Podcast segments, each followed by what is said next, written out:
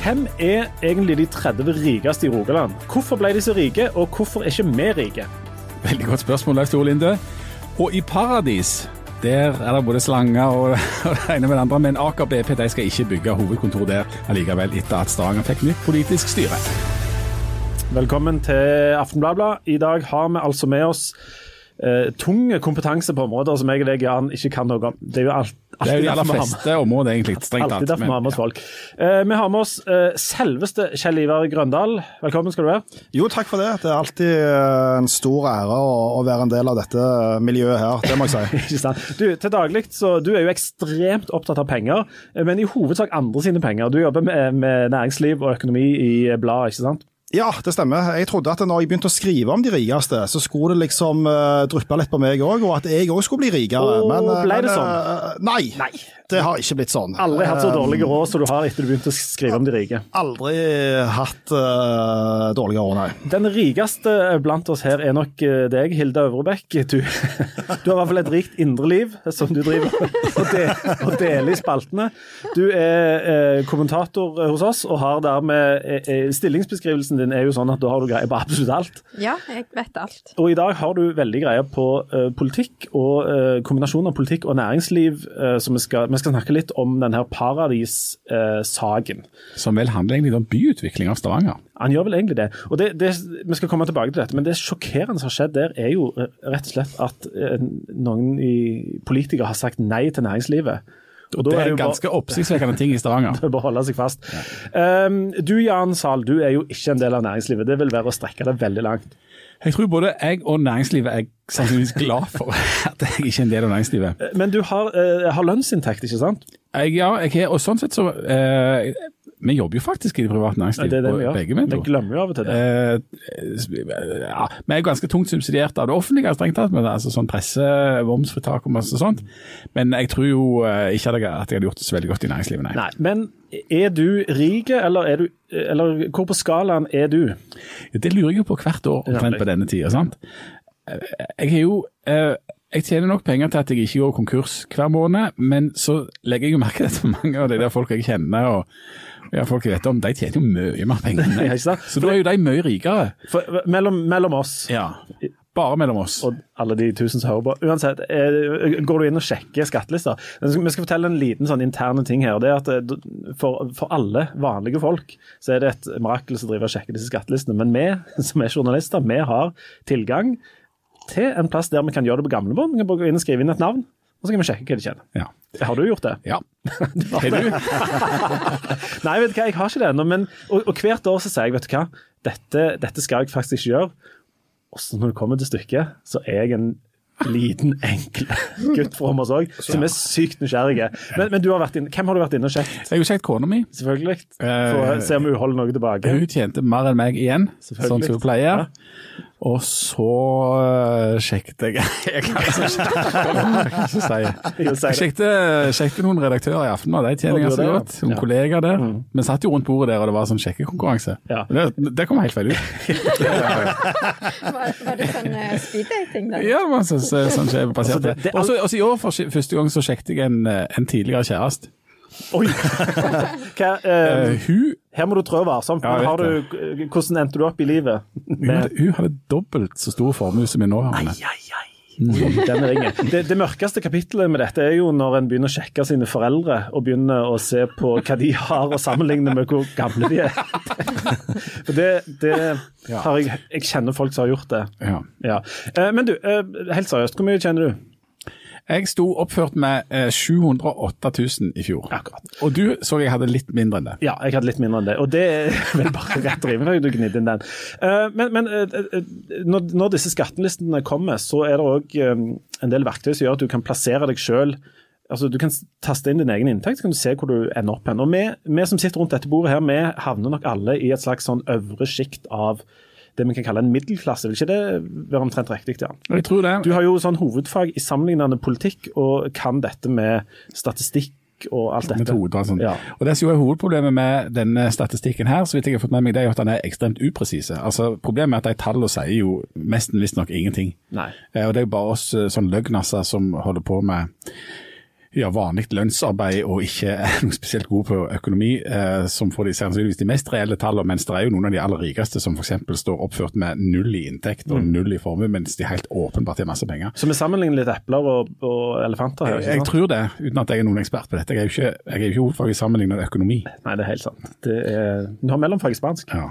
Men syns du du er, syns du du er rik, eller, eller rik nok? Ne- Ja, I middelklassen, jeg har nok arva en sånn følelse av eh, mor mi, som alltid har følt seg nokså rik, selv om hun ikke har vært det. Ikke Ja. noe sånn fattig, eller noe sånt, men en følelse av at eh, på en måte jeg har det jeg trenger, og dermed er rik. Men, men dette her kommer jo an på i hva sammenheng en spør, hvem en sammenligner seg med. Hvis, du, hvis vi reiser på, på ferie til, til eksotiske strøk der folk er, er fattige, men har voldsom rytme i kroppen, så, så, så er vi jo plutselig rike, ikke sant? Fordi at eh, Hvis du reiser til, til, til Tanzania eller Sudan eller innover der, og folk spør om du er rik, så må jo du svare ja. Ja, absolutt. I den sammenhengen er du rik. Problemet når, du, når vi kommer med disse skattelistene, og sånt, er jo at du begynner den uh, nosy-pairen i deg begynner å sjekke ut sånne eh, kamerater og venner som du har tenkt at ja, vi er omtrent like. Så sjekker du, ser du at jøss, han tjener 2,4 millioner. Jeg trodde meg og han var like. Ja. Og da føler du deg eh, ikke fattig, men da innser du at i, liksom, i, i den sammenhengen så er du ikke så rik allikevel.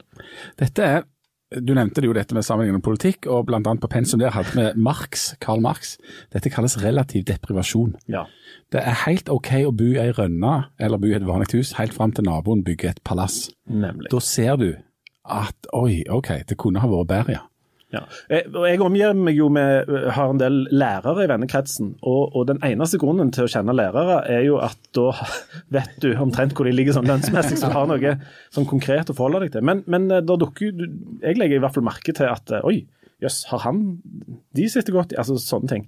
Og det er egentlig litt sånn eh, Det stiller jo nysgjerrighet, men det er jo litt trist òg Du, Ja. du tok ikke et hint når de kjøpte den andre Porschen og den tredje hytta. Nei nei, men det er ikke sånne folk. Jeg tenker på folk som sånn tilsynelatende er liksom helt normale folk, men som du allikevel ser tjener voldsomt godt. For de er det vitterlig noen av.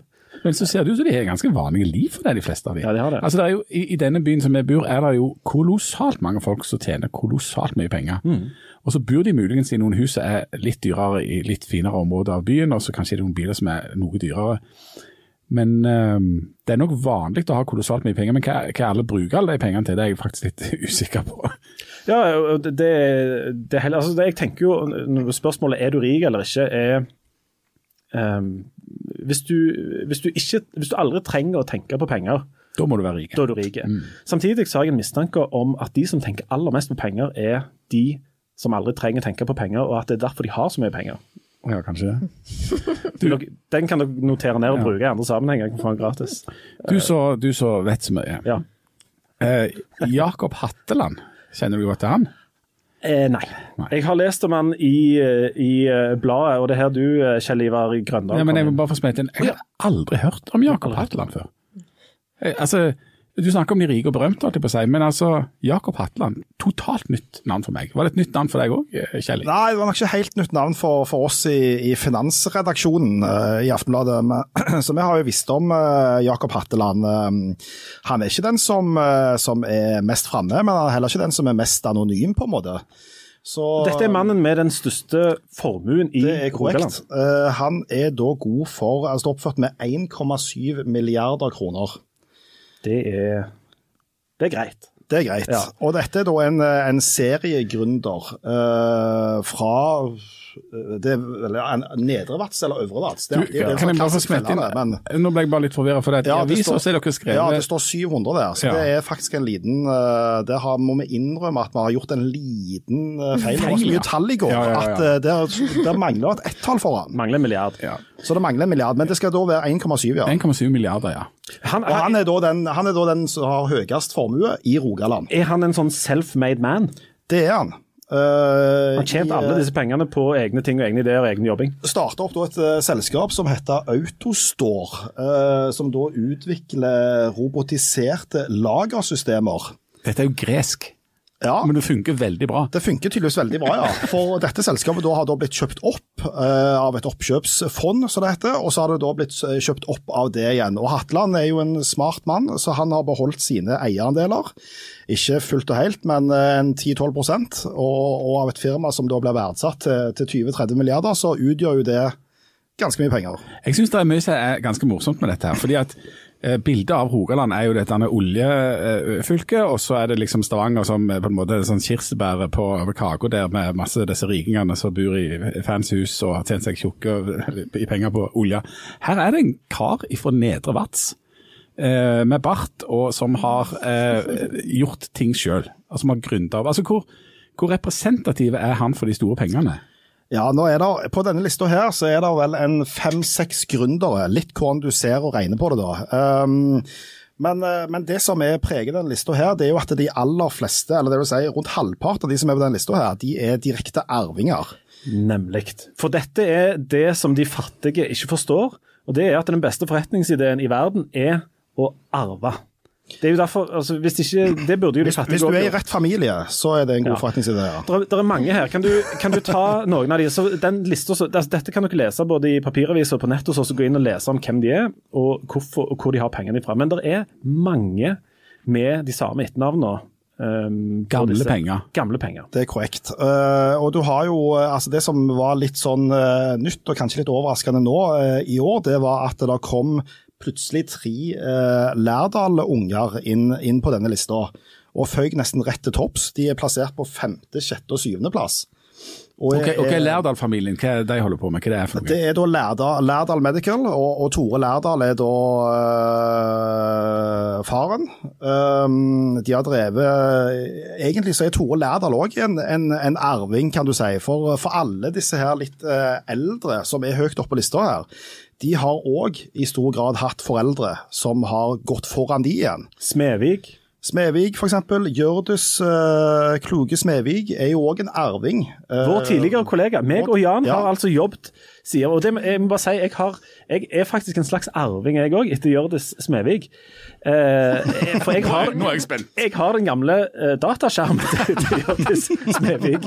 Den dagen hun slutta, så ble den stående på pulten på siden av meg. Så tenkte jeg, jeg den, den, bruker jeg. Så jeg, har, jeg er en slags eh, Smevik-arving. Men det var en digresjon. Og det er ganske lenge siden, så det sier noe om hvor ofte vi bytter ut datautstyret her. Ja. det gjør det. Men eh, ja, og det er, og, og Hjørdis hun var jo så raus òg at hun, når hun fikk denne sluttpakken i, i, Aftenbladet i sin tid, og gikk over pensjonistenes rekke, så, så ga hun jo vekk denne sluttpakken da, til et uh, Jonathan-fondet, som det heter, til oss journalister, så at vi skulle få nyte godt av de pengene der. Og kan søke hvert år og, og få gjør noe kjekt og nyttig journalistisk for de pengene der. Og Sånn sett ser vi alle arvinger som har vært på disse turene. Jeg har vært i Edinburgh og sitt teater, jeg har vært i London og sitt teater. Du og meg har vært i Miami på journalistkonferanse. Tusen takk, Hjørdis Smedvik. Veldig bra. Du, eh, ta litt, litt nedover. Det er noen kjente navn som går igjen her. Altså eh, Stangeland. Eh, Risa eh, Østerhus. Noe, Østerhus. Dette er folk som eh, den, den litt sånn gamle jærske eh, folk som har bygd ting, lagd ting. Ja, altså bare for å ta Lær, Lærdal-ungene, da. De, de, da. de, er da gode for 2,7 milliarder. Ja, det er brukbart. de tre der. Det tenker jeg er brukbart. De har 900 hver. Ja. Så det er jo det er brukbart. Nei, som du sier, det, det Stangeland han er jo òg på mange måter en arving eh, etter, etter Trygve Stangeland, eh, hans far. Og dette er jo eh, stein på stein.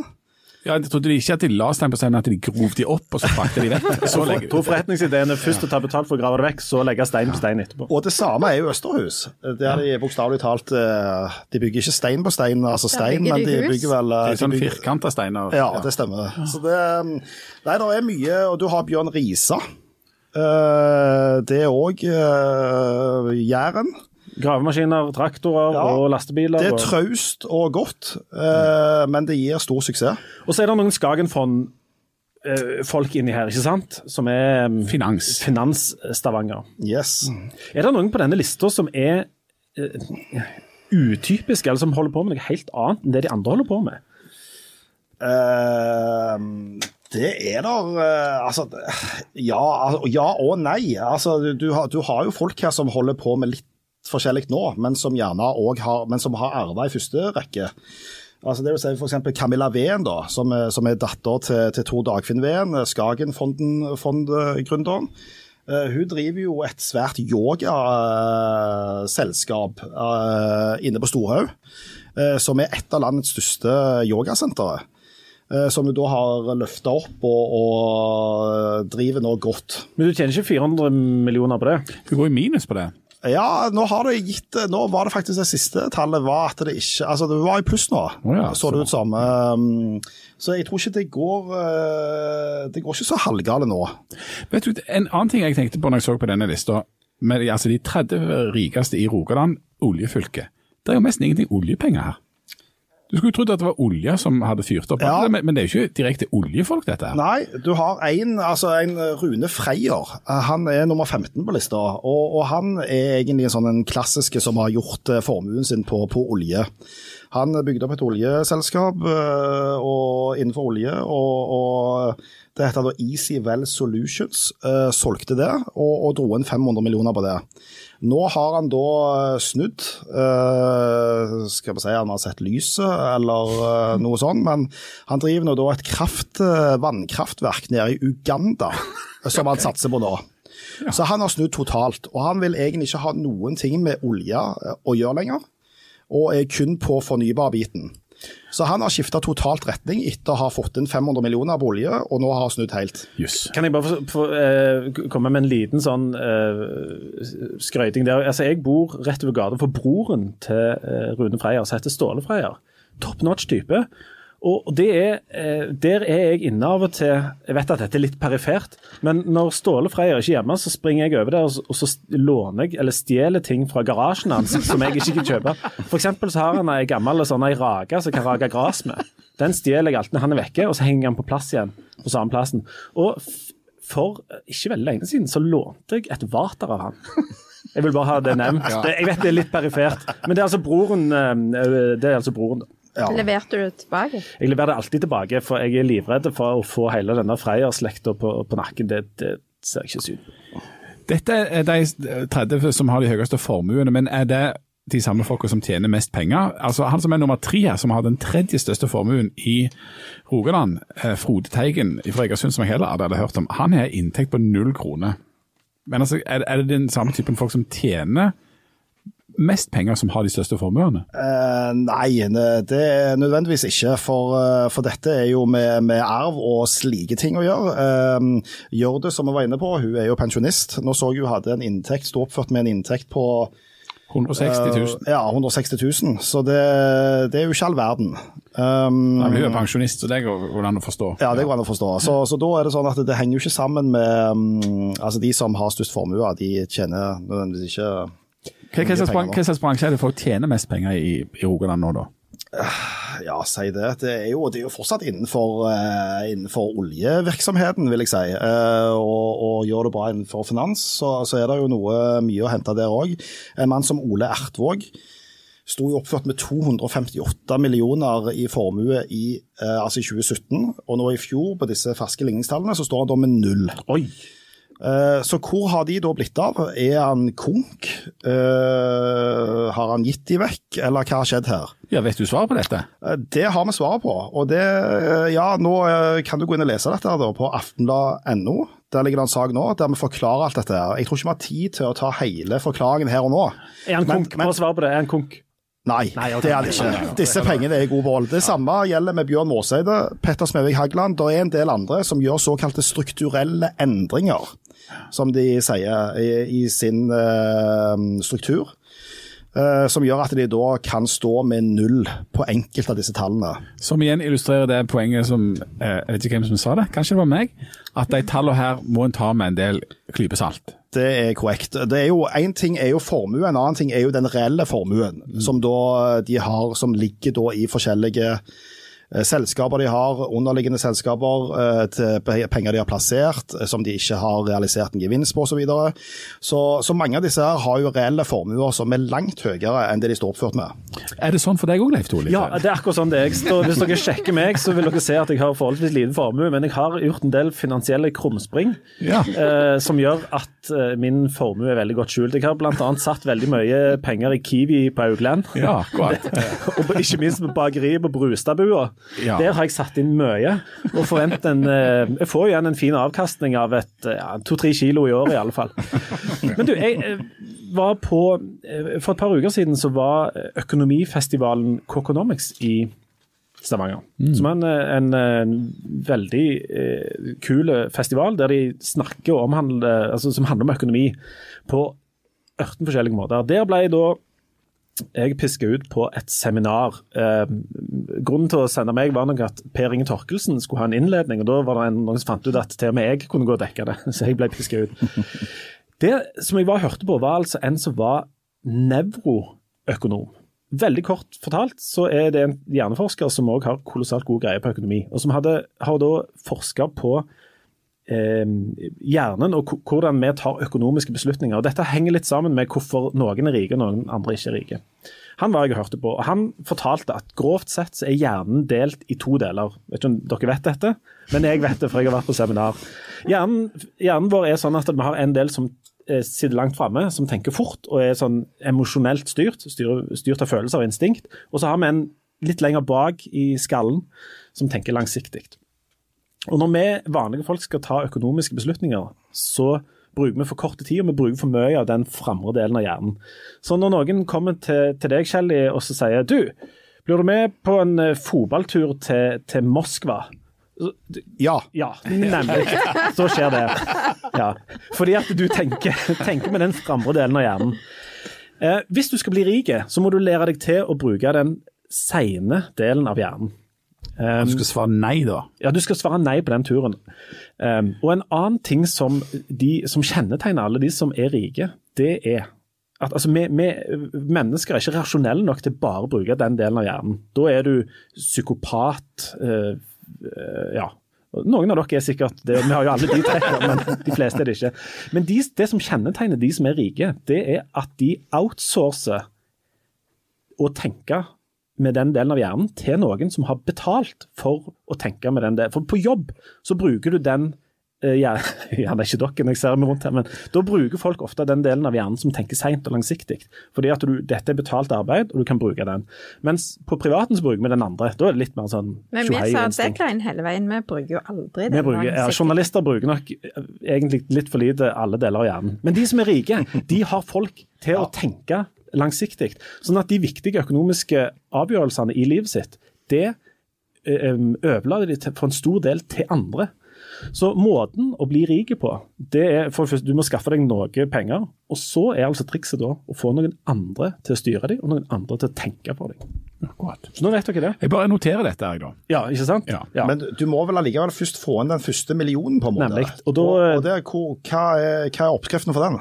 Eh, Sa noe om det? Han er på Det, er arva. Ja, det er arving, selvfølgelig. Eh, men det er jo òg um, Dette ble vel så vidt nevnt, at um, du må òg ha en viss risikovilje. Um, så hvis du uh, i et sånn gjennomtenkt opplegg hadde gått i banken og fått låne to millioner, og så hadde du fått noen som var kjempegode til dette, til å styre de to millionene, så ville det sannsynligvis blitt enormt god butikk for deg på sikt. Dette er det mange som har, jo har prøvd å gjøre en business på, og dette er det mange som har tapt kolossalt mye penger Nemlig. på. Og stort sett fordi de har tenkt for mye sjøl. Ja, jeg kjenner som har gitt en masse penger til folk som driver diverse sånne finansgreier. og hm, ja, Det er ikke smart. Du vil ikke anbefale det? Ja, pyramidspill. Men du, det, nå er det jo penger og næringsliv og alt det der greiene her. Og nå Hilde, nå må vi snakke litt om å komme til paradis. For jeg vet ikke om paradis det er da du blir rik og, og blir frelst på mange slags måter. Land, land, av melk og honning. Ja. Men nå er det sånn at i Stavanger så har vi nå fått et nytt politisk eh, styre som har blitt ja, det har gått fra høyrestyrt til venstresidestyrt.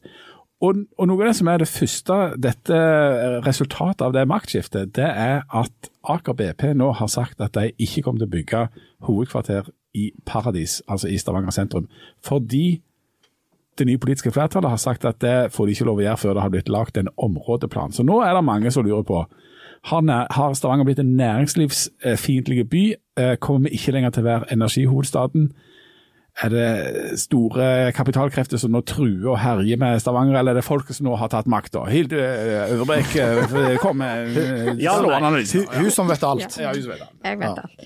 Uh, nei, altså, men altså, det er litt todelt. For i Paradis er det jo veldig mange innbyggere der nede som bare helst vil ha det sånn som det er.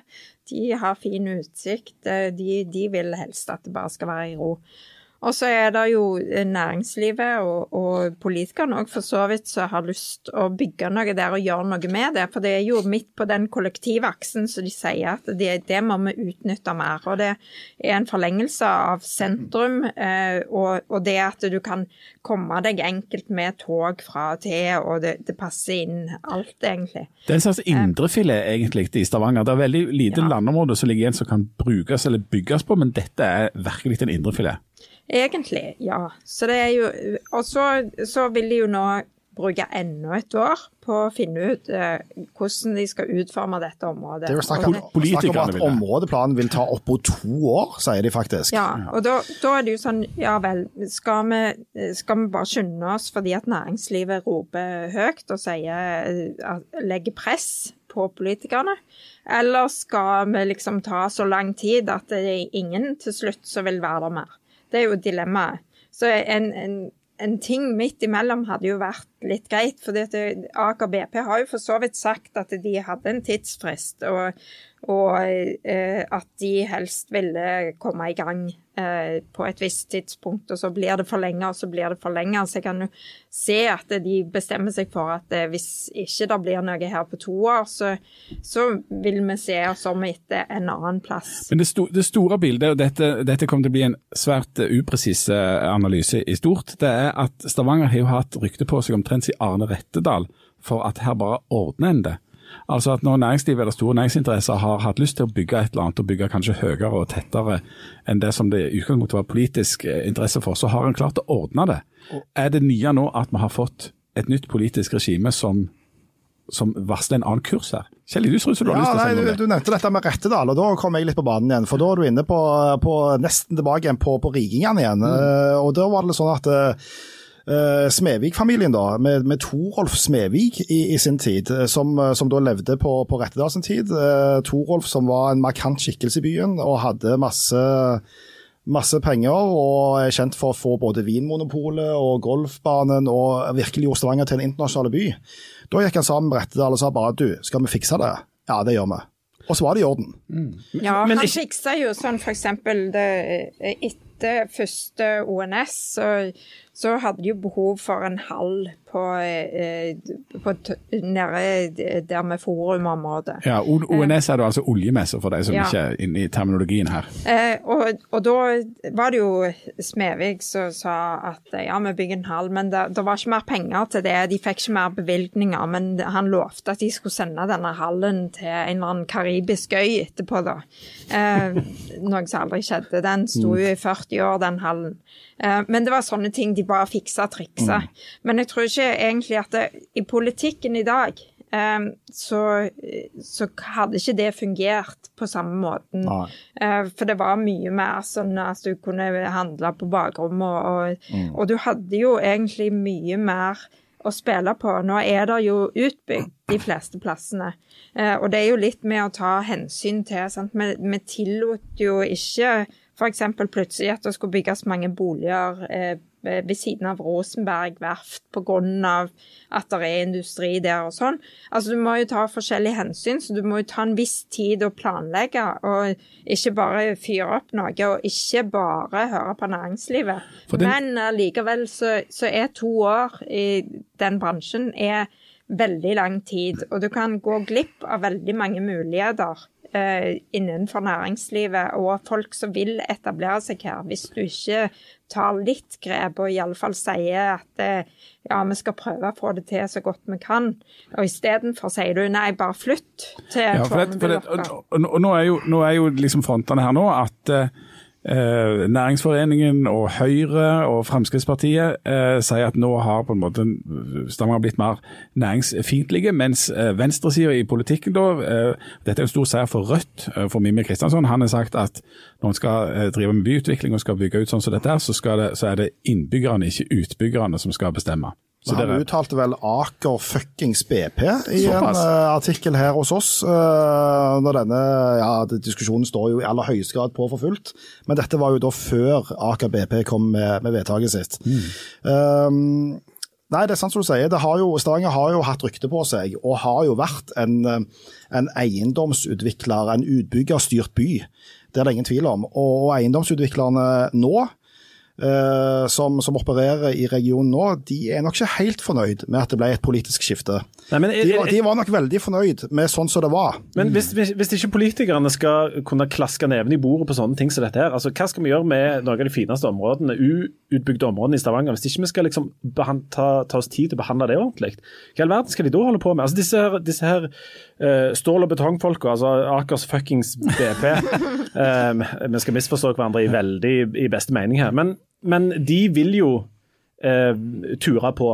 Det, ikke sant? Ja. Men politikerne Hadde det vært annerledes hvis uh, Høyre hadde hatt ordfører nå? Hadde de bare sagt ja, bare kjør på, bygg dere? Nei, altså det måtte jo eh, gått gjennom den politiske prosessen likevel. Men, men, akkurat det med områdeplanen, det er noe nytt. For de hadde jo forslag, flere forslag klart til hvordan dette kunne bygges ut. Mm. Eh, og det, det, var egentlig det som skulle vedtas om det var akseptabelt å bygge ut på de forslagene som lå. Um, mens de nå kommer med noe nytt og skal utrede hele området en gang til. Det er det, men er, det, er, dette et, lin, et sånn politisk linjeskifte? Er, er, dette liksom den nye hverdagen? For når vi leser intervjuer med med folk på høyresida, altså naturlig nok som er i opposisjon nå, så kan en jo få inntrykk av at nå er alt snudd på hodet, og nå hater vi penger. Eh, betong- og stålfolk og Akers fuckings BP. Og de skal vi ikke ha, ha, ha i byen lenger. Eh, det, er det det som er realiteten her? Jeg tror ikke egentlig det. De setter det jo veldig på spissen, for det, som du sier, de er i opposisjon. Men, men uh, de skal jo samtidig være litt uh, forsiktige med måten de uttaler seg på, syns jeg. For det er jo noe med å være på lag med næringslivet samtidig som du sier at ja, men du kan ikke få bygge akkurat hva du vil. Uh, så må, der, der, må du jo finne en balanse, og jeg syns jo det er litt sånn barnslig å gå ut og si at Eh, bare flytt til Fornebu dere og stå i kø der. Men risikerer en at eh, Aker BP, som jo er en svær aktør, flytter til Oslo? Og vil det i så fall svekke Stavanger som energihovedstad og som næringslivsby? Ja, De har jo iallfall signalisert at det, det, alternativet eh, er jo å bygge et hovedkvarter eh, på Fornebu. De har jo et stort kontor der allerede. Er dette litt som når min eh, elleveåring truer med å flytte ut hvis de ikke får taco til middag?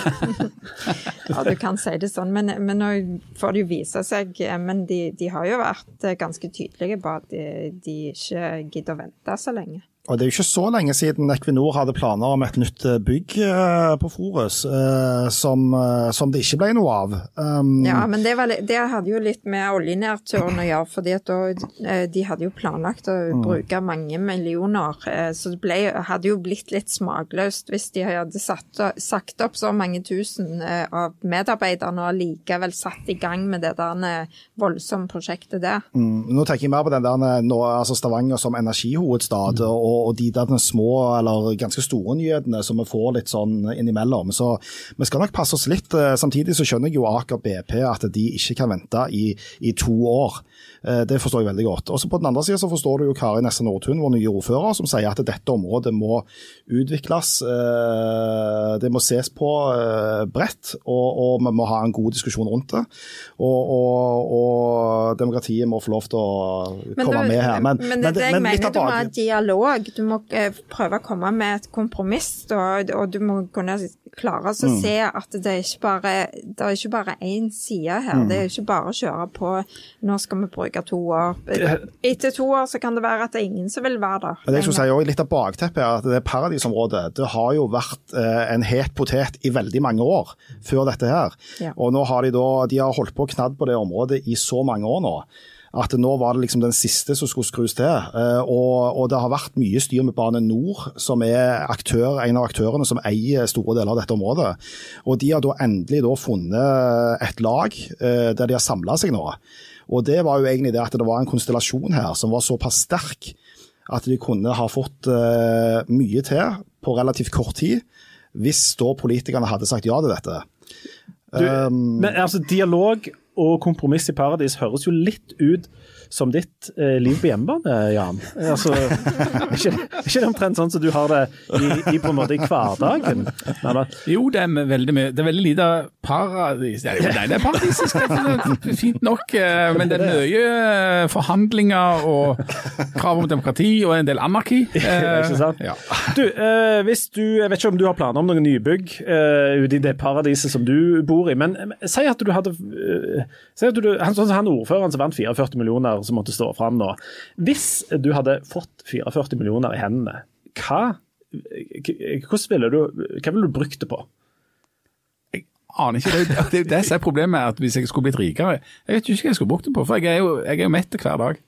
Ja. Jeg, jeg, jeg, trenger ikke mer enn ett hus.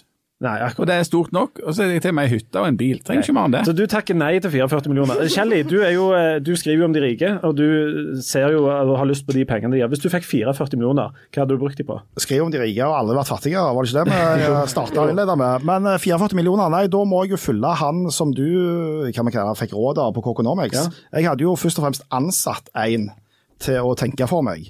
Er ikke du gift? Og, og eh, der er det bare kompromisser og i det hele tatt der òg. Dialog. Eh, Dialog og kompromiss. Fytti så kjedelig. Hilde, 44 millioner, hva bruker du de på? Nei, vet du hva, da, da hadde jeg eh, bare drevet i hele å ombestille den der ekstra flyturen jeg har bestilt til Roma neste uke. Du har dobbeltbestilt en billett til Roma? Da, da skulle jeg bare drevet i den. Okay, Hvis jeg hadde fått 44 40 millioner og tenkt med det som ligger lengst framme i hjernen min. Du vet hva jeg hadde gjort da? At jeg, Fotballtur til Moskva. Jeg hadde kjøpt cupfinalen. Jeg vet ikke hvordan dette teknisk sett skal gå. Jeg hadde kjøpt cupfinalen sånn at vi kunne arrangere den i Stavanger, istedenfor å reise til verdens aller tristeste plass, nemlig til Østlandet. Og så kunne vi bare hatt cupfinalen her for oss sjøl, så vi brukt 44 millioner på det. En liten digresjon der. Østerhus i 2005, gjennom TV-aksjonen, betalte 400 000 for å få lov til å spille kamp mot Tufte IL på Viking stadion. Sånn bruker de rike pengene sine. OK, vi er ferdige for i dag. Eh, vi er omtrent like fattige som når vi, som når vi begynte, Jan. Har du økonomiske ambisjoner eh, sånn at du kommer høyere opp på listen neste år? Absolutt ikke. Absolutt ikke, jeg heller. Ingenting. Altså, jeg tipper at jeg kommer til å synke. Altså, det kommer til å gå nedover. Ja, vi får ja. satse på det. Ja, vi gjør det. God tur på vei nedover. Snakkes om ei uke. Ha det.